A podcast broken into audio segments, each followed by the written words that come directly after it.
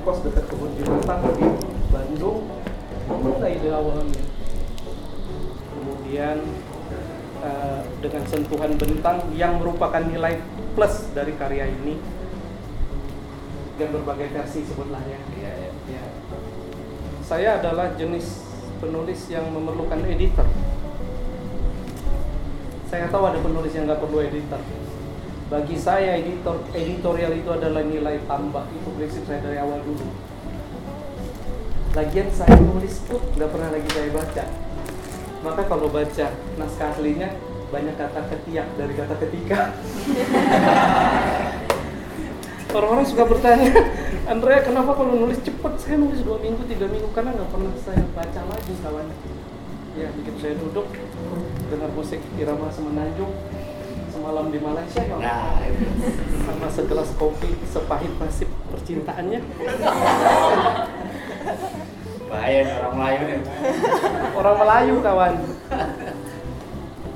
Tiga bab empat bab selesai. Apakah saya pintar bukan karena cara bekerjanya begitu. Bagi saya typing and writing is different typing is not writing duduk di depan laptop itu ngetik bukan nulis. Karena misalnya ini sesungguhnya risetnya tiga tahun. Dan bagaimana membunyikan riset matematika agar menjadi novel? Sekali. Kalau nggak dia jadi skripsi. Ya. Nah eh, bentang memberi saya kesempatan untuk menerbitkan edisi-edisi original ini kalau kawan ingin tahu sang pemimpi itu sebenarnya aslinya tuh ada Edensor di dalamnya kemudian terbit jadi dua novel nah kemudian Padang Bulan Maria Makarpov Cinta dalam Gelas itu sebetulnya aslinya adalah buku besar peminum kopi. Hmm. Ya, banyak banyak pertanyaan kenapa di buku Maria Makarpov gak banyak cerita Maria Makarpov?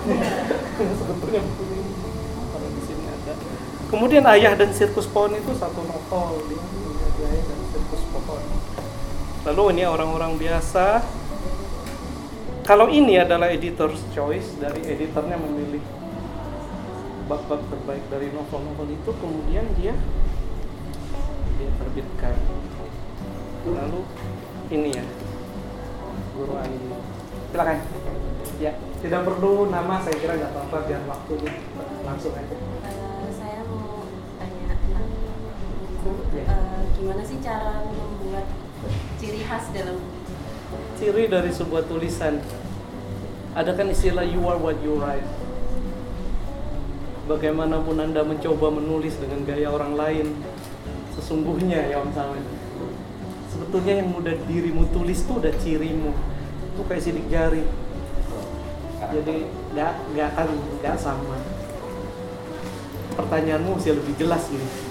Karena sesungguhnya kalau dia menulis itu akan menjadi Kalau saya menulis, coba Anda lihat.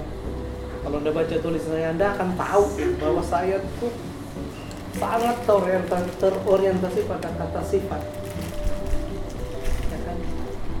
dan saya ini istilah saya sendiri apa yang disebut dengan repetitive intensity misalnya aku berjumpa dengan seseorang yang membuatku merasa setiap hari terasa malam setiap hari terasa kelam setiap hari terasa pekam itu Andre Hirata tuh pasti. Kalau dirimu baca tulisanmu itu akan ketahuan.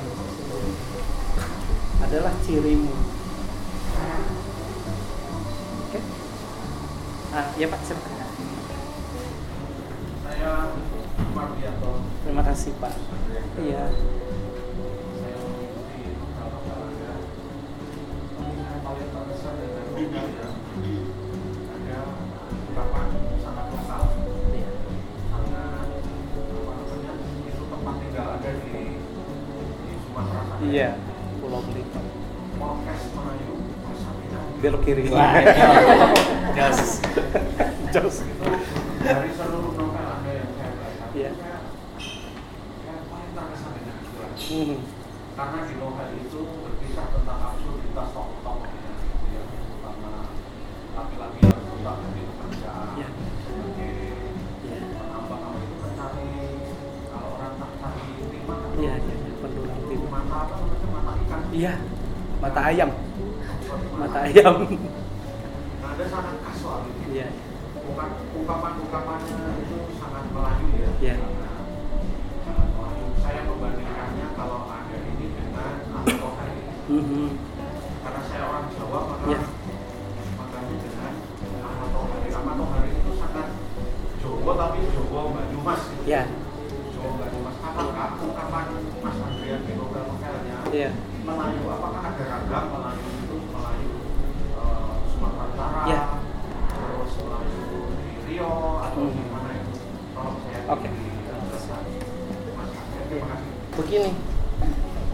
ada istilah kampung saya itu berada nama kampungnya itu Gantong, berada di di kamp, di wilayah paling timur Pulau Belitung.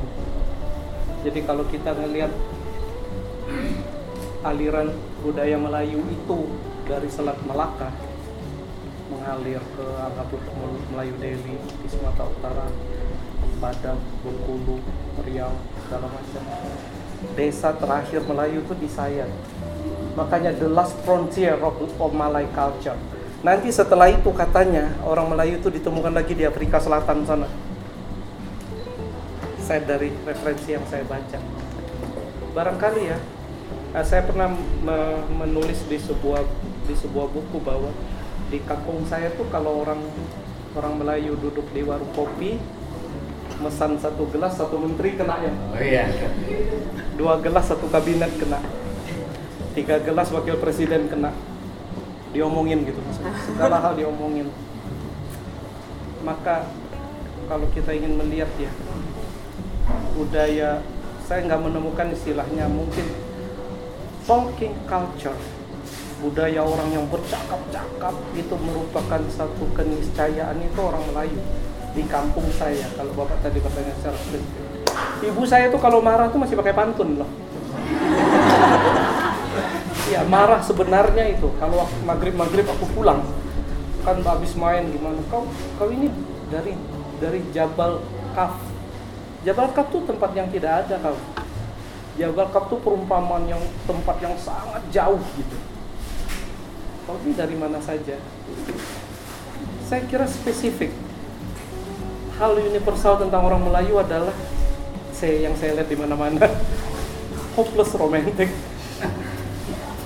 di Riau, Tanjung Pinang, Melayu itu hopeless romantic gitu. Sesuatu yang hanya bisa dipahami kalau Anda ke Belitung, Anda akan mendapatkan dua hal. Anda pergi ke sebelah barat, Anda akan mendapatkan pantai-pantai terindah di Indonesia dengan batu-batu sebesar rumah.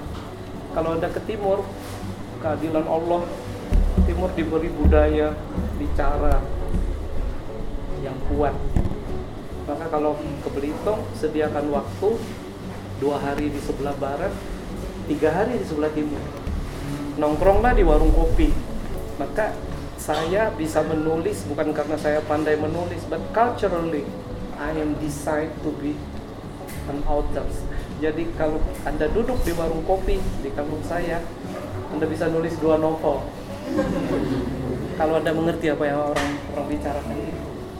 Kemudian dalam dalam menulis saya temukan itu bagaimana tulisan yang punya perspektif yang luas itu selalu terrelasi dengan time and place.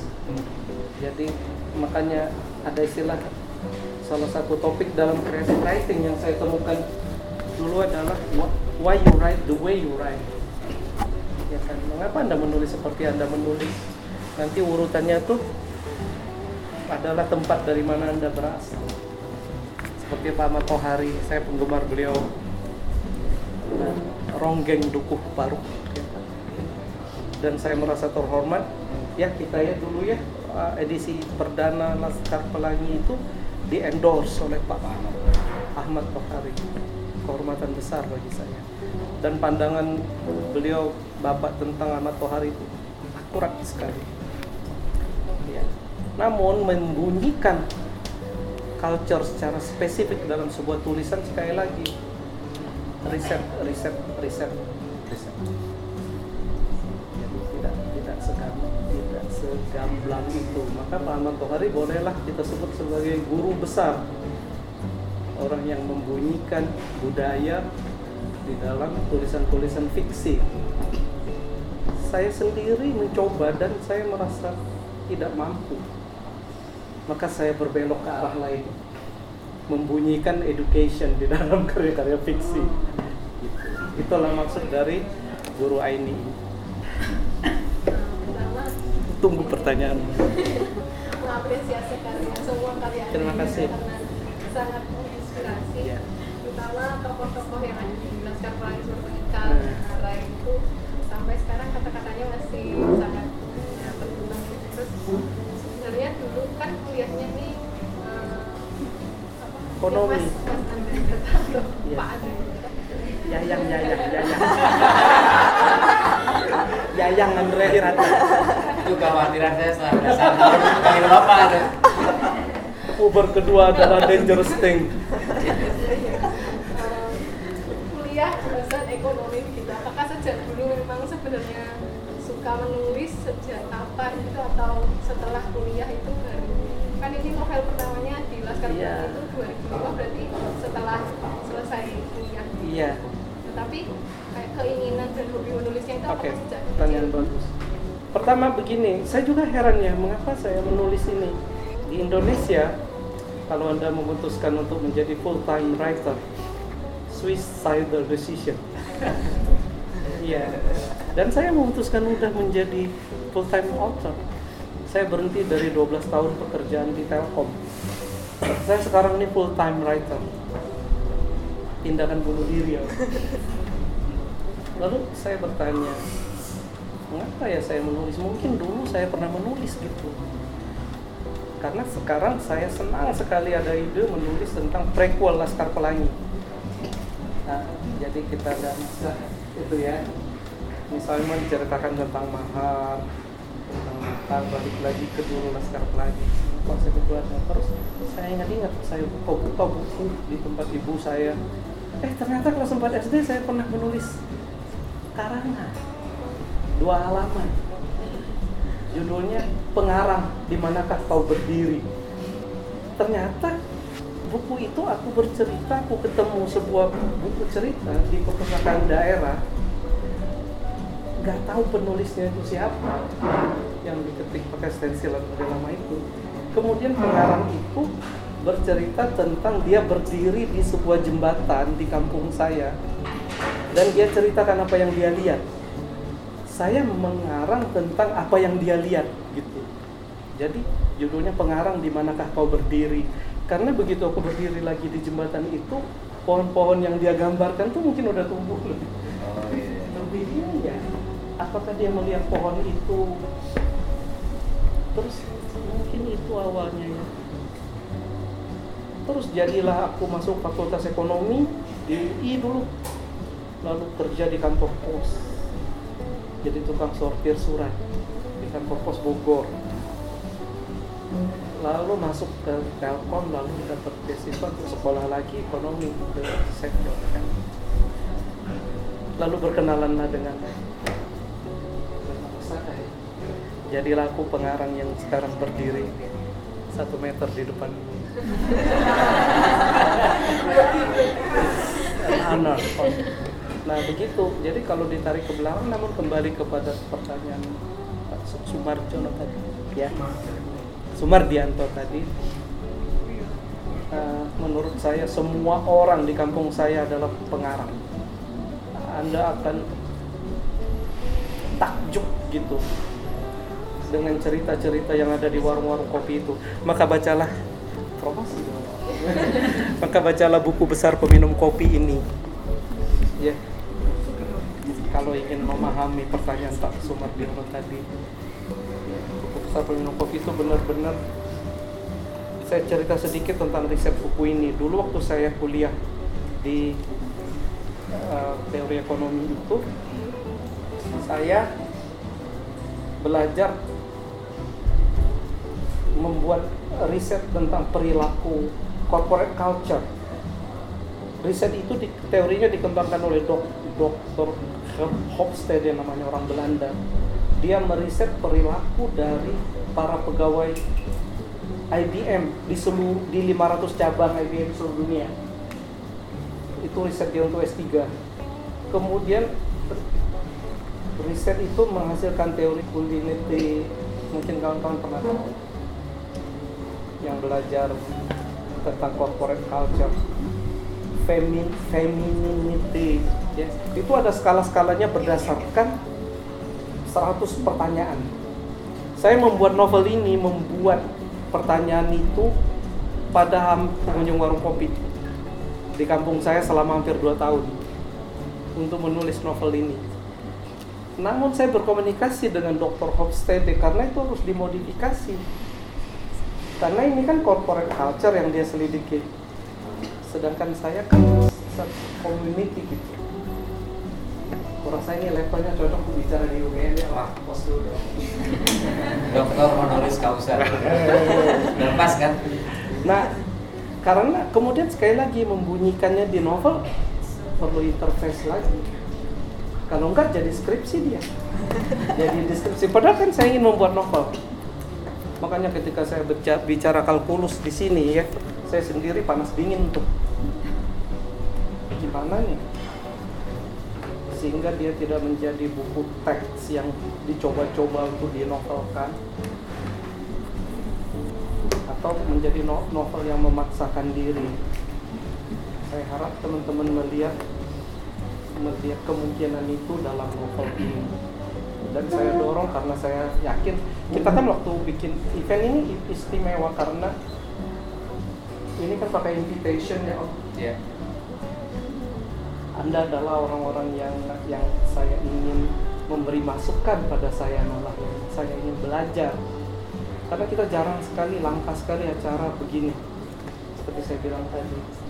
Karena saya ingin benar-benar bicara tentang buku creative writing writing dan mimpi-mimpi anda siapa tahu saya bisa menjadi sedikit manfaat. Uh, saya belakangan mulai senang mendapatkan event-event seperti ini. Antara lain saya jadi pembicara di LPDP mungkin tahu. Dalam satu kapasitas yang bagus. Terjawab mudah-mudahan ya ada riwayatnya terus oke kawan-kawan ya bawa dekat Eh, semester kurang nih Eh, salam kenal, saya Pandan. Iya. Eh, saya mau tanya, tadi kan Mas Andrea sempat nyebutin kalau yang buku minum kopi itu risetnya sampai 2 tahun Iya. ya, sampai tanya ke Hmm, banyak orang juga. iya. Nah di antara semua novelnya Mas Andrea, Hmm. yang risetnya paling lama dan paling berat itu, oh ini ya? Oh bisa tolong diceritain Mas? Ya, oke. Jadi ini ini menceritakan tentang idealisme seorang guru matematika. Wah, jadi spoiler dong. Nah, meng- bagian mana paling riset? Bagaimana riset? saya penyuka matematika. Karena saya dulu ambil finance di S2 itu jadi matematikanya masih kenceng tuh. Matematika equilibrium John Nash tuh. Di situ makanya saya agak confident.